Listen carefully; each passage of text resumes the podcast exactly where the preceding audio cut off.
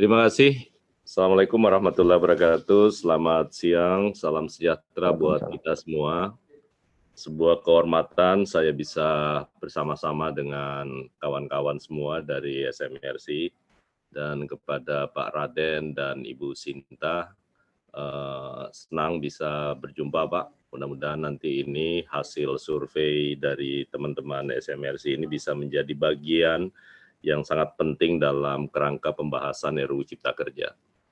Saya uh, mengucapkan terima kasih terhadap hasil survei dan kami mengakui sepenuhnya bahwa terutama dari sisi pengetahuan publik tentang adanya pembahasan di RUU Cipta Kerja dari awal kami menyadari sepenuhnya bahwa ini sudah sejalan dengan hasil temuan dari teman-teman dari SMRC bahwa pengetahuan masyarakat tentang adanya RUU Cipta Kerja ini memang sangat rendah dan saya pikir bukan hanya RUU Cipta Kerja, tapi hampir semua uh, eh, RUU yang dibahas di parlemen itu mengalami nasib yang sama. Biasanya kelompok-kelompok masyarakat menengah dan berpendidikan itu yang banyak justru ingin mengetahui tentang perkembangan proses legislasi. Tetapi khusus untuk klaster, satu klaster, yakni klaster tenaga kerja, uh, untuk pertama kalinya dalam sejarah sejak saya menjadi anggota DPR RI dan selaku ketua Badan Legislasi, uh, saya melihat bahwa uh, itu hampir semua kalangan, terutama dari kalangan pekerja, baik informal maupun non formal, itu memberikan apresiasi dan tanggapan sehingga bahkan HP saya itu sempat hang, Pak. Saya selalu bilang mungkin untuk pertama kalinya ada demonstrasi secara virtual melalui media sosial dan menyampaikan kepada seluruh pimpinan Balek yang kebetulan jadi pimpinan Panja RU Cipta Kerja itu puluhan ribu protes dan menginginkan supaya RU Cipta Kerja ini jangan disahkan karena berkaitan dengan uh, polemik soal klaster ketenagakerjaan.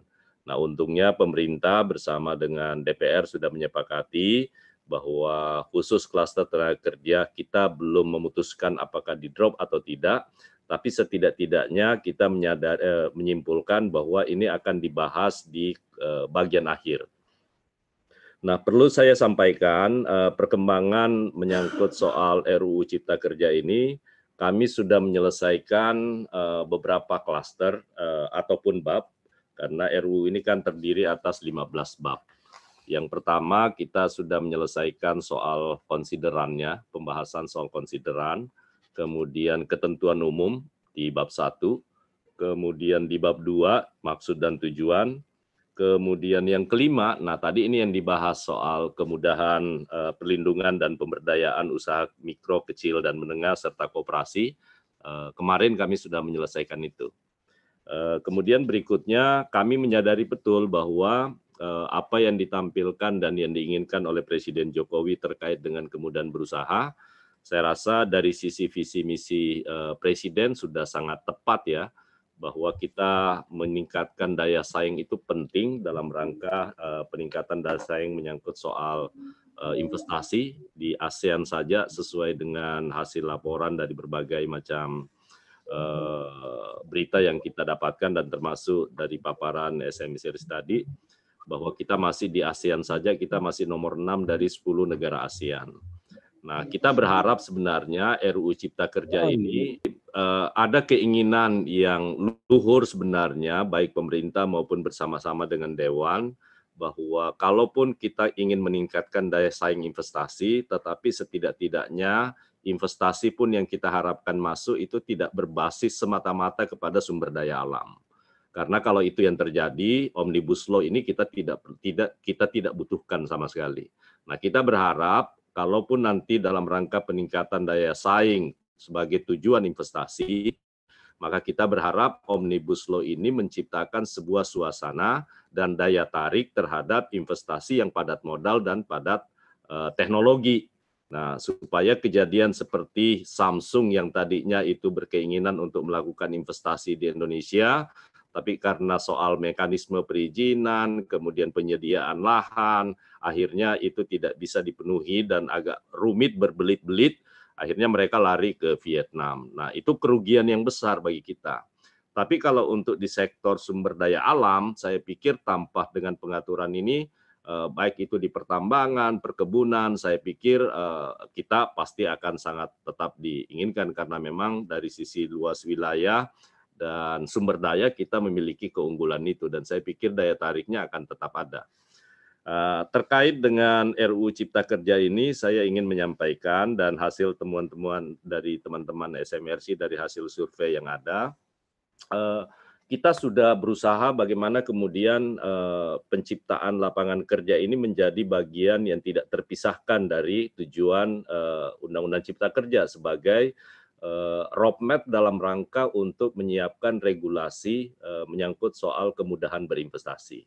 Nah, apa konsekuensinya sebelum saya masuk ke temuan-temuan berikut soal kemudahan berusaha di bidang UMKM?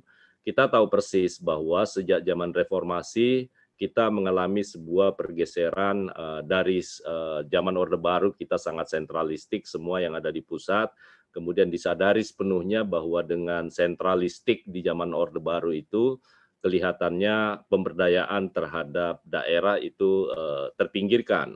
Nah, oleh karena itu kemudian kita bukalah kemudahan-kemudahan itu dalam bentuk uh, desentralisasi dan otonomi daerah.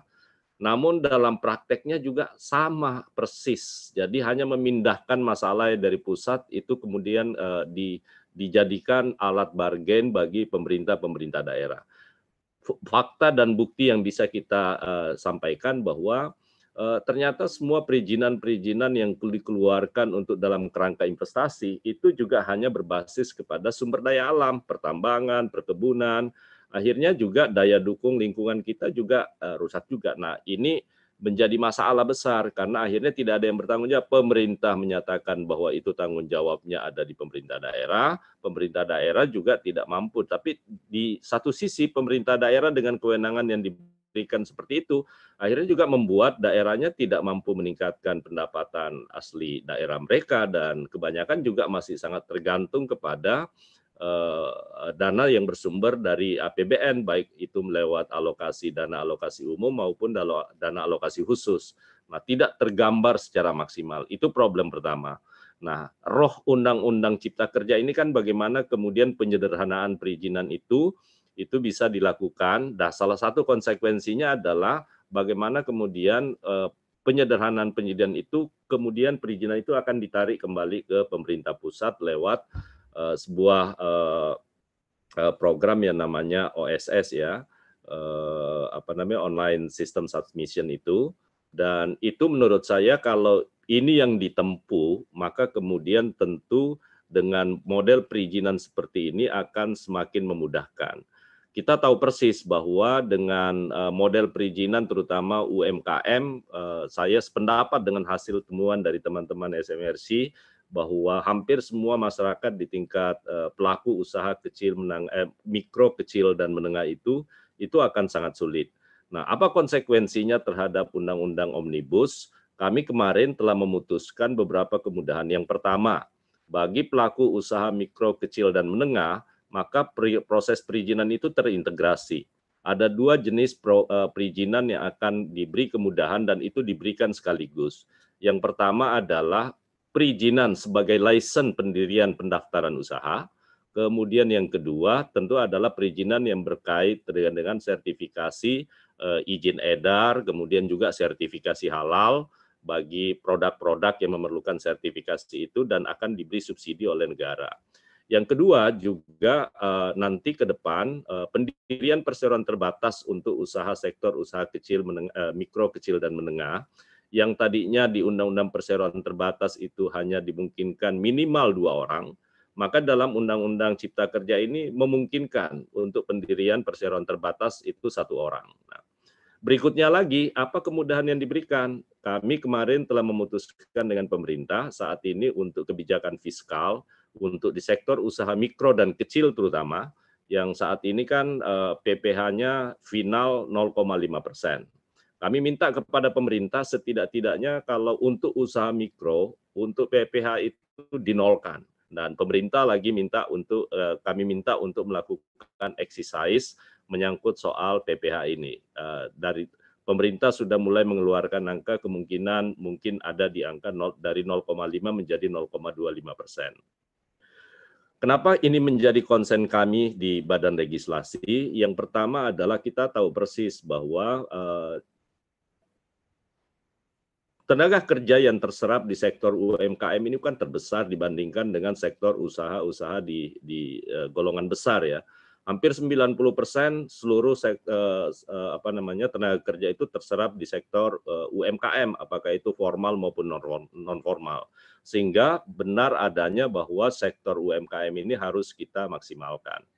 Nah, terkait dengan apakah kemudian soal pengetahuan masyarakat menyangkut RUU Cipta Kerja ini mungkin untuk pertama kalinya, Pak, sebagai pertanggungjawaban publik kami kepada publik di anggota panja kami sudah putuskan bahwa pembahasan di tingkat panja untuk semua klaster kami buka untuk bisa di, di, diakses oleh publik dan itu disiarkan langsung oleh TV Parlemen. Mungkin untuk pertama kalinya ini ada panja yang begitu penting supaya masyarakat tadi berdasarkan hasil temuan yang disampaikan bahwa pengetahuan masyarakat itu masih sangat masih sangat rendah eh, bahkan hanya 20% yang tahu soal undang-undang cipta kerja ini Nah, lewat mekanisme kebijakan yang kami sepakati dengan seluruh fraksi dan pemerintah dan DPD, kami buka seluas-luasnya. Silakan bisa diakses perdebatannya seperti apa.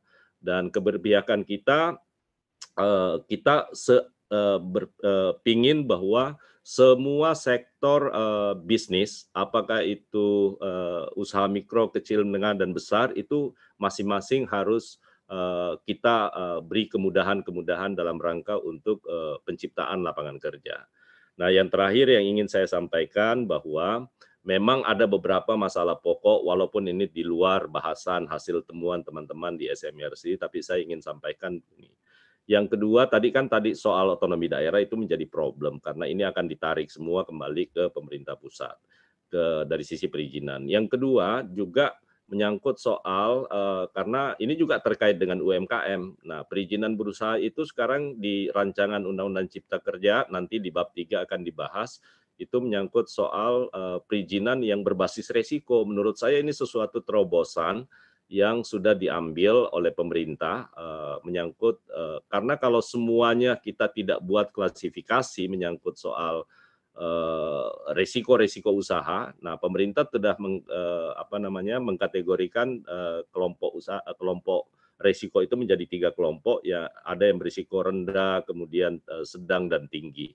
Nah, apa konsekuensinya? Kemarin di pemerintah itu mengusulkan supaya ada beberapa yang berkaitan dengan kalau berisiko tinggi maka analisis mengenai dampak lingkungan itu tetap kita perlukan tetapi kami juga meminta bahwa tidak boleh kemudian uh, uh, apa uh, sanksi pidana yang terkait dengan dengan uh, pelanggar terhadap pencemaran lingkungan terhadap dunia usaha yang melakukan secara nyata nyata itu kemudian tidak hanya dilakukan tindakan administratif semata. Nah, itu beberapa problem. Yang kedua, kami juga ingin menyatakan sebagai uh, konsekuensi terhadap uh, Undang-Undang Cipta Kerja ini ada beberapa uh, muatan yang secara prinsip itu memang harus mendapatkan perhatian dari kita semua. Salah satunya yakni tentang ketentuan di Undang-Undang uh, 41 tentang kehutanan menyangkut luas cakupan minimal kawasan hutan yang usulan pemerintah itu minta untuk dihapus 30 persennya. Nah, kami berpandangan bahwa walaupun ini belum dibahas, eh, ketentuan 30% walaupun kita tahu persis bahwa di Pulau Jawa 6 provinsi kawasan hutannya itu sudah tidak mencakup lagi, tidak cukup lagi 30%, bahkan mungkin ada yang sampai hanya 16%. Nah, di luar ketentuan yang 6 provinsi tadi kami tetap berharap bahwa ketentuan kawasan hutan itu minimum 30% itu tetap dipertahankan. Itu sangat penting. Nah, yang terakhir yang ingin saya sampaikan adalah menyangkut soal uh, reforma agraria karena ini juga berkaitan dengan dengan dengan apa namanya dengan uh, isu tentang bank tanah ya bank tanah. Nah, bank tanah uh, itu ada di di di di klaster menyangkut soal pertanahan.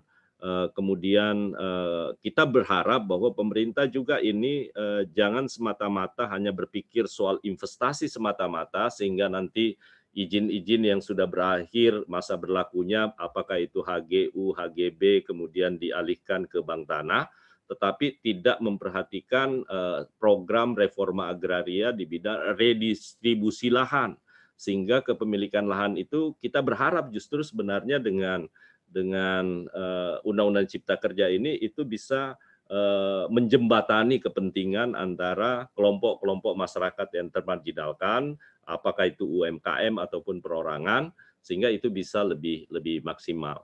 Nah, saya pikir itu yang uh, menyangkut materi-materi lain karena masih panjang uh, beberapa uh, nanti minggu besok besok kami akan uh, rapat lagi untuk membahas dua klaster, yakni klaster tentang uh, kawasan ekonomi khusus, kemudian uh, proyek strategis pemerintah.